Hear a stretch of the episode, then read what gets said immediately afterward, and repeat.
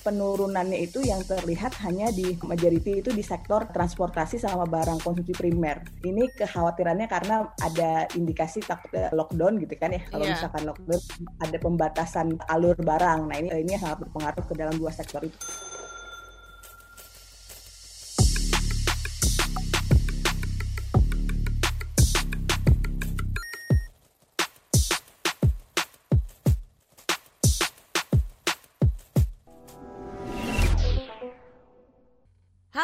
Kita berjumpa lagi di Market Movers. Kali ini di edisi hari Senin tanggal 21 Juni 2021 bersama saya Ines Nirmala.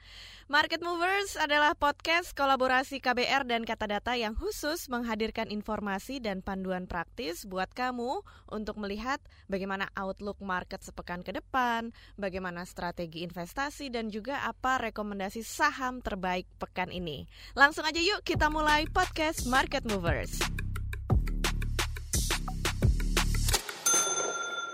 Indeks harga saham gabungan atau IHSG awal pekan ini terkoreksi menembus ke level bawah psikologis 6000 di mana IHSG melemah 1,63 persen atau 98 poin ke 5.908, menyusul penurunan bursa Asia. Seluruh indeks sektoral Bursa Efek Indonesia turun pada awal perdagangan dan kenaikan kasus COVID-19 di dalam negeri juga masih menjadi sentimen utama yang mempengaruhi pergerakan indeks. Pada penutupan perdagangan hari Jumat kemarin, IHSG juga terkoreksi 1,01 persen ke level 6.007 dipengaruhi oleh sentimen yang sama. Dan lagi-lagi kita membahas seputar bagaimana proyeksi perdagangan sepekan ke depan dan seperti apa strategi investasi yang bisa diterapkan.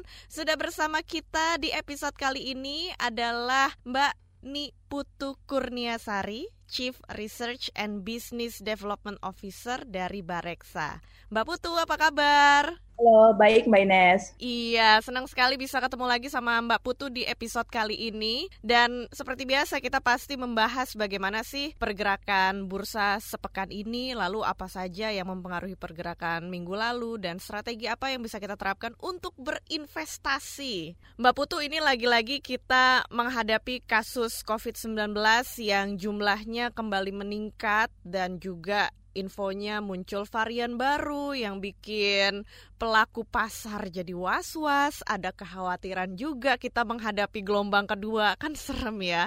Nah, sebenarnya Indonesia juga sempat berhasil mengendalikan penyebaran COVID-19 gitu, udah sempat menurun kemarin dan sekarang jumlahnya meningkat lagi. Nah, boleh deh Mbak Putu jelasin sejauh ini kondisi yang akan berpengaruh terhadap pergerakan indeks seperti apa sih? Iya, jadi Mbak seperti yang kami sampaikan sebelumnya ya. Jadi so far sih sebetulnya memang angka COVID kan karena naik, jadi tetap ada kekhawatiran dari sisi pasar dan memang tetap ada resiko ya Mbak hmm. terhadap hal itu kembali lagi kalau kami melihatnya yang kondisi saat ini tuh masih karena kita sudah punya pengalaman terhadap COVID ini, jadi antisipasinya tuh sepertinya lebih saat ini dari sisi antisipasi masyarakat, persiapan masyarakat itu juga jadi lebih baik ya dibandingkan dengan tahun lalu gitu ketika kita menghadapi COVID. Nah, cuman memang di sini kembali lagi kan memang kuncinya adalah dari keefektivitasan dari vaksin. Yeah. Nah, makanya memang mau nggak mau ya di antara pro dan kontra ini memang sebaiknya kita memang mendorong masyarakat kita untuk melakukan vaksin gitu agar ekonomi kita jadi cepat recovery-nya gitu. Mbak Ines. Karena kan kalau kita lihat kan beberapa negara bahkan sudah lepas masker, sudah hmm. melakukan konser gitu kan ya Mbak Ines ya. Jadi artinya sebetulnya kalau lihat dari beberapa negara tetangga ya yang sudah melakukan itu artinya sebenarnya recovery dari COVID ini sudah terjadi karena e, mereka berhasil efektif dalam mendorong masyarakatnya untuk melakukan vaksinasi gitu, Mbak Ines. Nah ini ya, iya. ya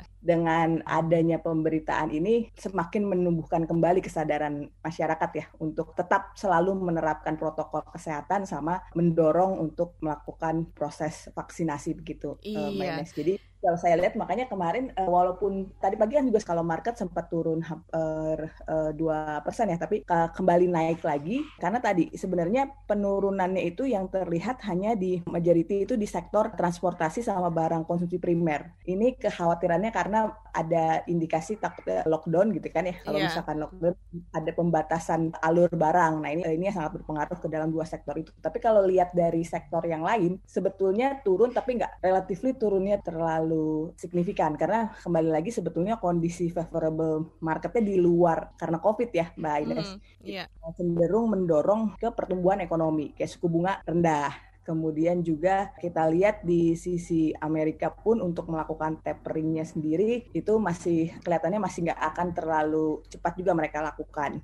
Nah, terus habis itu juga kita lihat indeks kita sebenarnya kalau di compare sama indeks di luar yang sudah menyentuh rekor baru, kita belum menyentuh rekor baru. Jadi sebetulnya sudah price in gitu. Nah, sekarang tinggal gimana cara mengantisipasi yang masalah COVID ini. Iya. Sih. Baik. Betul, Mbak. Karena kita ingin segera pulih dari pandemi COVID-19 dan ini juga akan e, menjadi dampaknya recovery bagi perekonomian kita dan kita juga sebagai masyarakat sudah pastinya harus berpartisipasi dalam vaksinasi dan selalu menerapkan menerapkan protokol kesehatan supaya negara kita cepat nih keluar dari COVID-19 dan akan berpengaruh juga terhadap perekonomian kita gitu ya. Nah, Mbak Putu, ini selain soal COVID yang tadi udah kita bahas mempengaruhi pergerakan indeks saham.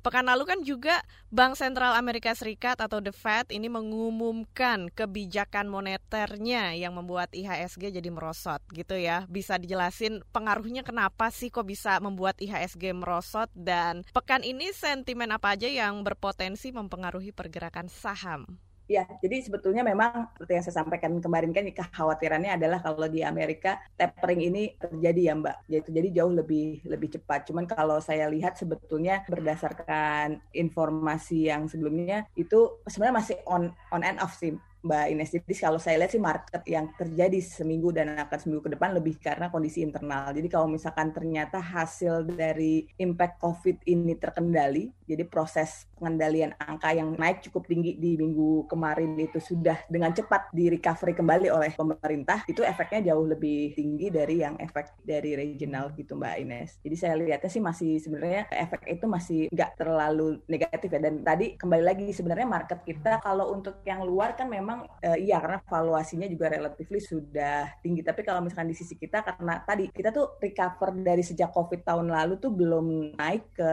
menembus rekor IHSG baru gitu. Mm, yeah.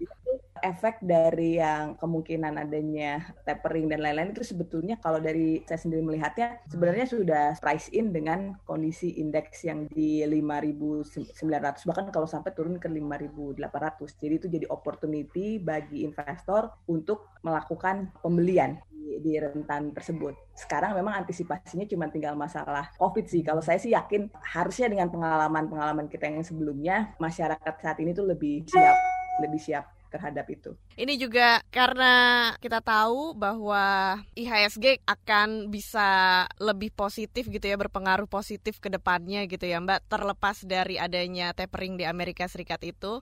Dan ini balik lagi kalau kita membicarakan COVID-19 gitu ya, tadi Mbak Putu juga udah uh, menyebutkan kalau hal ini berpengaruh terhadap saham di sektor barang konsumsi primer dan juga transportasi yang menurun karena ini juga orang-orang memikirkan mungkin akan ada lockdown lagi gitu ya. Dalam situasi ya. seperti ini, eh, Mbak Putu ada saran saham-saham dari sektor apa aja yang masih oke jadi pilihan? Iya, jadi sama uh, sebenarnya kalau kita lihat tuh penahan indeks uh, tahun lalu sama seperti yang minggu lalu kita sampaikan ya. Jadi ada ada saham-saham yang justru malah menarik kayak saham teknologi yang sudah kita bahas mm. di minggu lalu. Indeks kita turun dua persen semingguan ini, tapi dia malah week on week tuh di sektor teknologi malah uh, naik 30 persenan gitu Mbak Ines. Jadi seperti yang disampaikan memang kita perlu ada selektif uh, selektif uh, sektoral uh, indeks gitu yang sektoral saham yang yang kita perlu perhatikan yang tidak terlalu terindikasi karena kan tadi saya saya lihat sih di, di compare sama yang masalah tapering turunnya indeks sekarang ini benar-benar lebih di di majority ditopangnya karena ada sentimen Covid. Jadi kalau yang yeah. kalau yang sektor-sektor yang akan berpengaruh langsung adalah sektor-sektor uh, tersebut seperti barang konsumsi, kemudian juga transportasi. Nah itu mungkin mungkin mas kalau misalkan ini tidak membaik masih bisa ke dorong turun termasuk juga uh, sektor uh, perbankan. Kalau sektor perbankan lebih karena market uh, sizingnya yang yang besar. Mm. Kalau misalkan saham-saham yang uh, lain, terus habis itu juga uh, kita lihat juga uh, apa namanya yang yang yang dapat benefit atas uh, rendahnya tingkat suku bunga itu jadi jadi lebih uh, lebih menarik gitu mbak untuk untuk dipertahankan di dalam uh, kondisi uh, di kondisi seperti ini. Oke. Kalau kalau misalkan saya ngelihatnya secara general ya kalau sudah ketika indeks balik lagi ke 5.800 justru opportunity untuk beli lagi tuh yang saham-saham barang konsumsi Mbak Ines. Iya, karena harganya bisa dibilang lagi diskon nih ya. iya, sambil kita tunggu kenaikannya karena sekarang pas lagi turun kita uh, bisa buy di sini.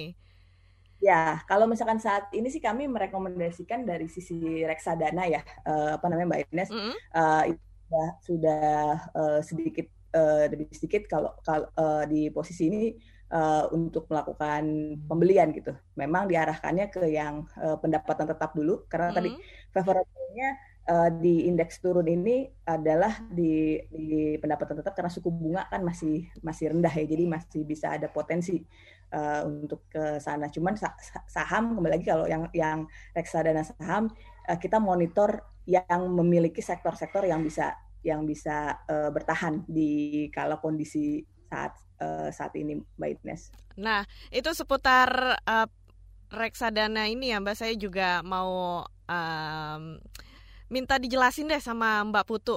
Uh, pergerakan saham yang berpengaruh ke reksadana ini seperti apa? Dan juga tadi Mbak Putu memang udah ngasih uh, sedikit info, udah ada penjelasan juga dari Mbak Putu ya seputar peluang-peluang yang bisa dihadapi, uh, yang bisa jadi pertimbangan buat investor gitu.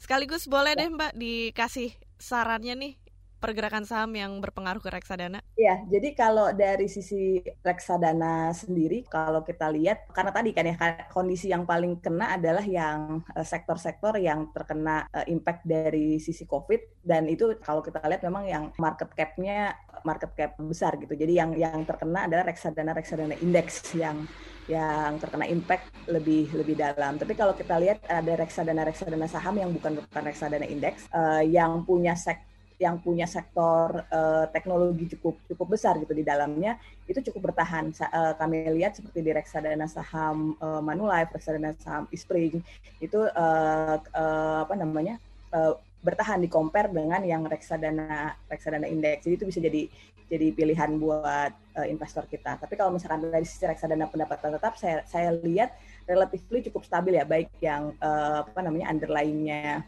uh, government bond ataupun yang terutama yang uh, yang corporate juga karena uh, tidak terlalu volatile pergerakannya itu juga uh, bertahan. Jadi jadi uh, saya uh, di, di di tempat kami memang kami saat ini me merekomendasikan hal tersebut. Cuma memang kembali lagi ya Pak Ines tetap mm ada risk terkait dengan masalah uh, COVID ini gitu. Iya. Nah, terakhir nih Mbak Putu untuk uh, Bareksa dan Robo Advisornya, apakah Mbak Putu ada saran nih supaya kita bisa lebih maksimal dengan Robo Advisor dari Bareksa ini? Ya, kalau di uh, sebenarnya di dalam kondisi yang saat ini kami saat ini sedang uh, apa namanya men, uh, mempush uh, notifikasi untuk melakukan uh, melakukan pembelian karena kembali lagi tadi Mbak Ines seben, uh, apa namanya posisinya itu itu uh, yang indeks sekarang tuh cukup uh, baik untuk di, bisa melakukan uh, pembelian karena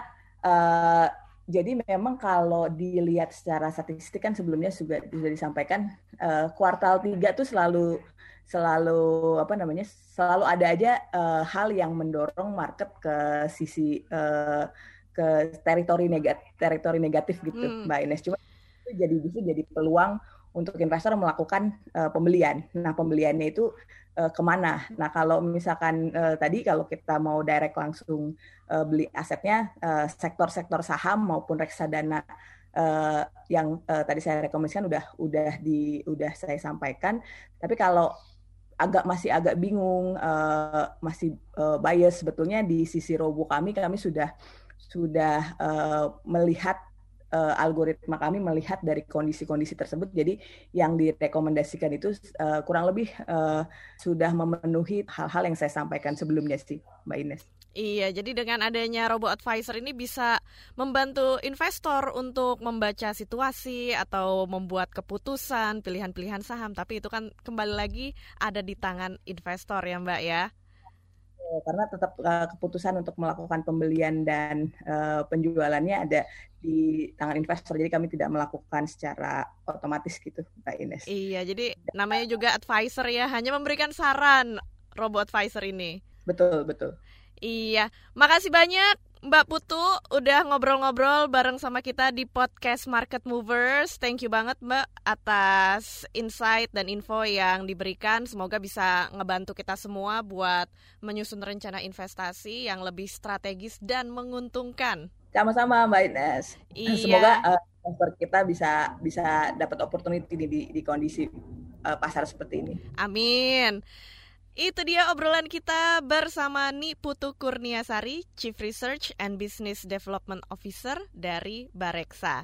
Saya ucapin terima kasih banyak ya buat kamu yang udah ngedengerin podcast Market Movers dan sampai ketemu lagi Senin pekan depan.